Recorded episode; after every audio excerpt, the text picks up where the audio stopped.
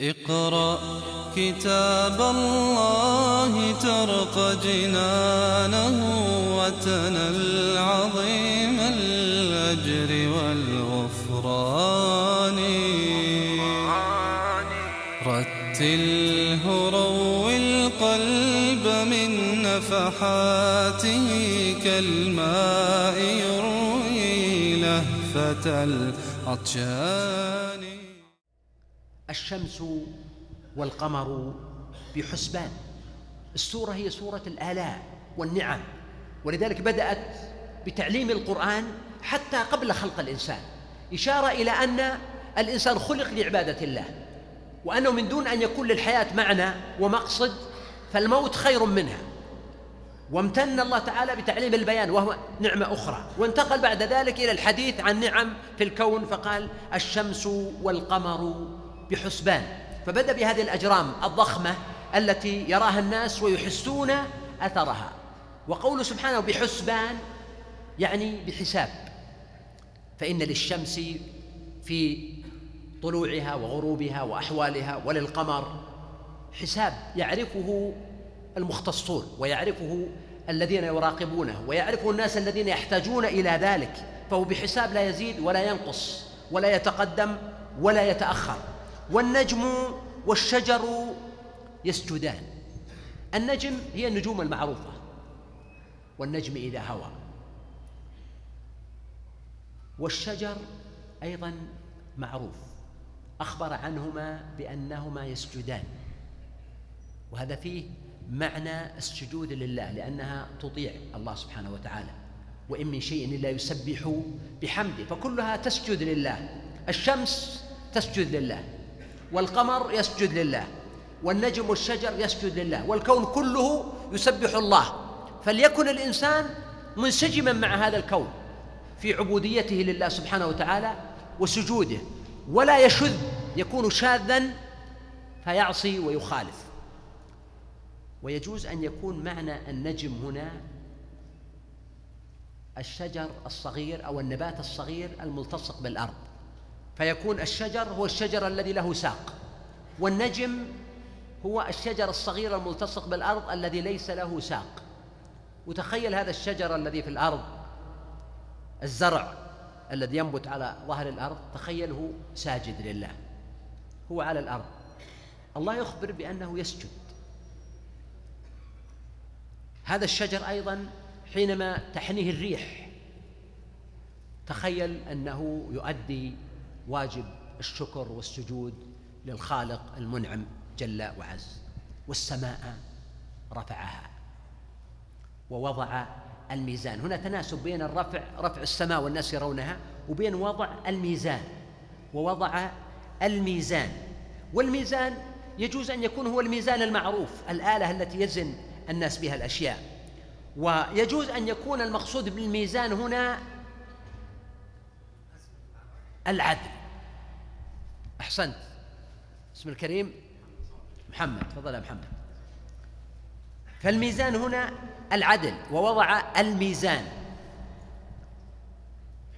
ألا تطغوا في الميزان وأقيموا الوزن بالقسط ولا تخسروا الميزان. فأمرهم فيما يتعلق بالميزان أن يعتدلوا فلا يزيدوا ولا ينقصوا. قال ألا تطغوا في الميزان. يعني بالزيادة. وأقيموا الوزن بالقسط يعني بالعدل. ولا تخسروا الميزان بالنقص. ولهذا قال سبحانه ويل للمطففين الذين إذا اكتالوا على الناس يستوفون وإذا كالوهم أو وزنوهم يخسرون. الله سبحانه وتعالى أمر هنا بالعدل. العدل هنا يكون في كل شيء. العدل في الوزن عند البيع العدل في الكيل في المكيل أو في الذرع أو في العد. العدل في الحكم.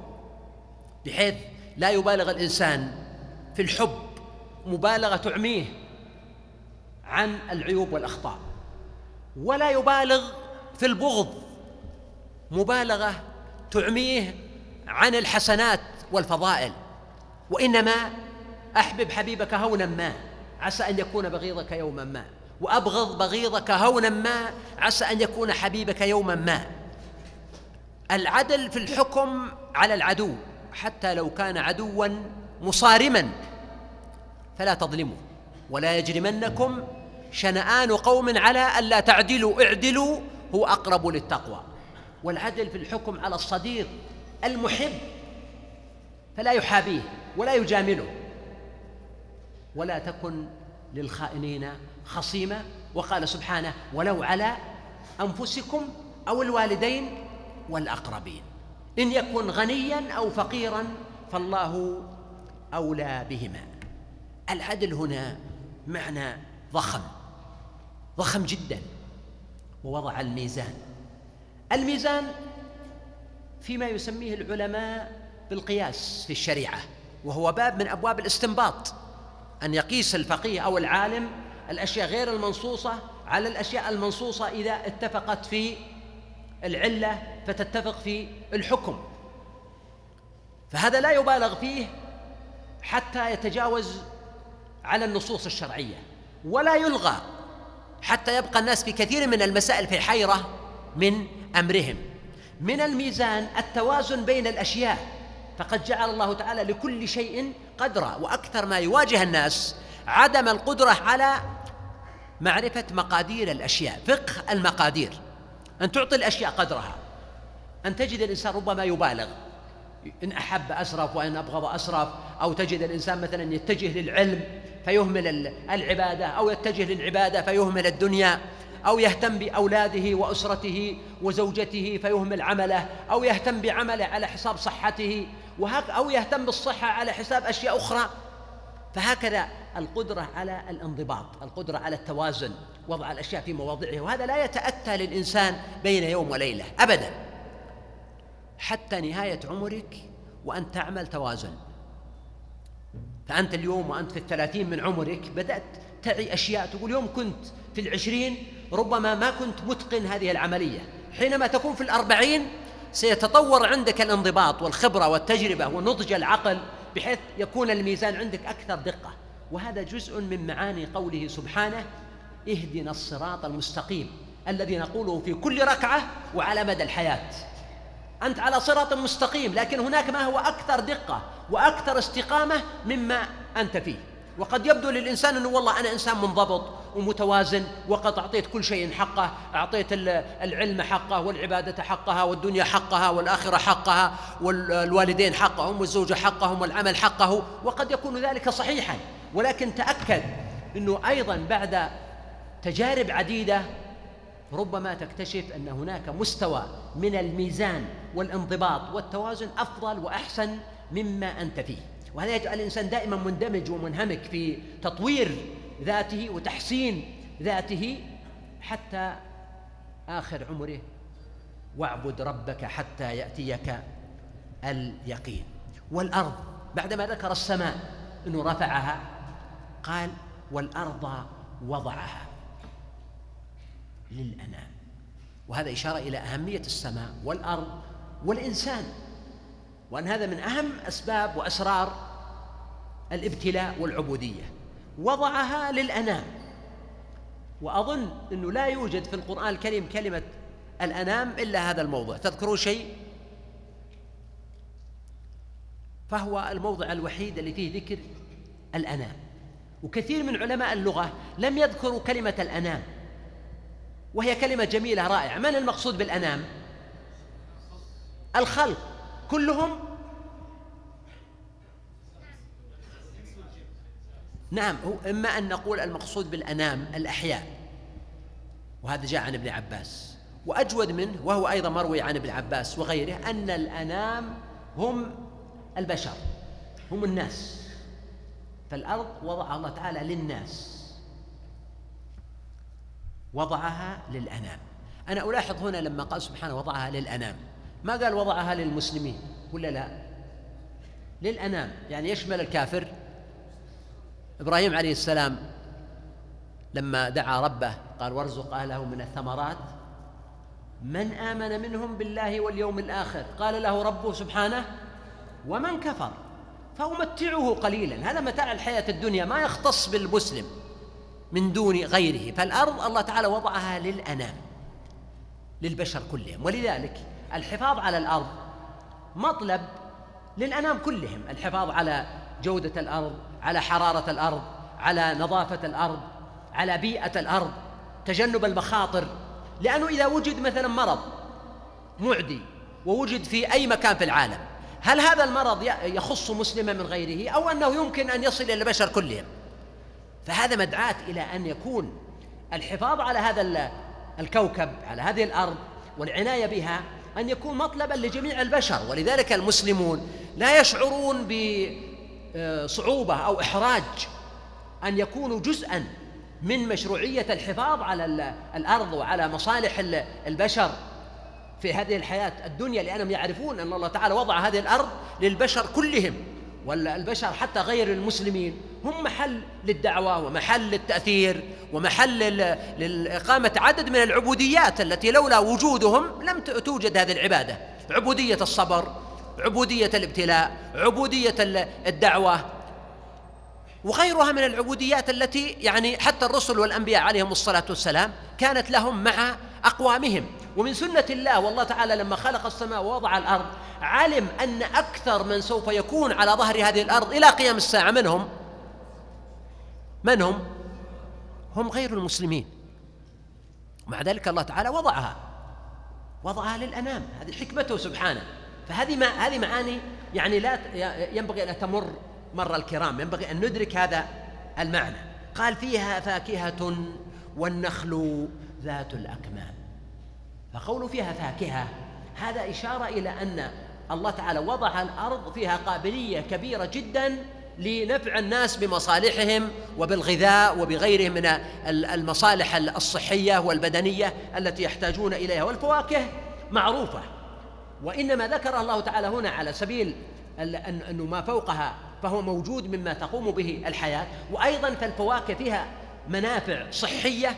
ثبت اليوم علميا أن تعاطي الإنسان للفواكه والخضروات بكميات كبيرة وبشكل منتظم من أهم أسباب الحفاظ على الصحة وتجنب الأزمات والأمراض والجلطات التي تصيب القلب. فهذا مما امتن الله تعالى به عليهم ولذلك ذكر الله تعالى حتى في الجنة. والنخل ذات الأكمام. النخل من الفاكهة بل هي سيدة الفواكه. والله تعالى هنا قال ذات الأكمام إشارة إلى الجانب الجمالي فيها. الأكمام ما هي؟ نعم. هي الأوعية التي يكون فيها الطلع. أكمام. المفرد وشو؟ كم؟ طيب هذا إيش اسمه هذا؟ هذا كم؟ واللي في النخلة. بكسر الكاف. كم؟ والجمع أكمام. ولو قلت كم الأمر واسع. ما هناك مشكلة كبيرة. المقصود الله تعالى يذكر النخل ذات الأكمام ويميزها وقد ورد أن آه، ملك الروم كتب إلى عمر بن الخطاب رضي الله عنه يقول بلغنا أن عندكم شجرة ورقها كآذان الحمير وطلعها كذا ويبدو كذا ثم يصبح كاللؤلؤ ثم ينضج ثم يؤكل ثم ثم ويثني عليها. فأخبرني هل هذا صحيح؟ فقال له عمر رضي الله عنه كتب له وقال له نعم عندنا هذه الشجرة وشأنها كذا وأمرها كذا. ثم قال رضي الله عنه شوف هذا من الذكاء والحكمة. وهذه هي الشجرة التي آه، يعني آه، كانت عندها مريم عليها الصلاة والسلام. وقال الله تعالى وهزي إليك بجذع النخلة فاتق الله تعالى ولا تعبد مع الله إلها آخر. هذه الشجرة يعني آه، لها ميزة. ولذلك ورد في حديث مرفوع إلى النبي صلى الله عليه وسلم ولم وليس بالقوي أن النبي عليه السلام وصف النخل فقال المطعمات في الوحل آه، في الوحل الراسخات في آه، الراسخات في الوحل المطعمات في المحل. فالنخل تطعم في المحل يعني في الفقر والمسغبة وأيام الجوع وهي راسخة في الوحل يعني في الطين ولذلك تستغني كثيرا عن الري والسقي ويستفاد منها في أشياء كثيرة جدا وأيضا آه، ثمرها هو يعني غذاء آه، كامل للإنسان. والحب ذو العصف والريحان. الحب ذو العصف. الحب كثير مثل الرز الشعير الحنطة وأنواع الحب المعروفة والتي يقوم عليها كثيرا غذاء الناس اليوم وقبل اليوم. فلم يكن الناس يوم من الأيام في غنى عن الألوان من الحبوب التي يقوم عليها غذاؤهم مثل الرز أو الحنطة أو الشعير أو نحوها. وقوله ذو العصف. المقصود بالعصف أعواد أو السيقان التي تكون لأشجار هذه الحبوب وكذلك أغصانها وفروعها والتي تيبس ثم يتم توظيفها طعاما للحيوانات أو تبنا أو ما أشبه ذلك. فهذا ملمح جميل أن الله تعالى يشير إلى الحب الذي تأكلونه ويشير إلى العصف الذي يكون طعاما لحيواناتكم أيضا. هذا في أكثر من معنى.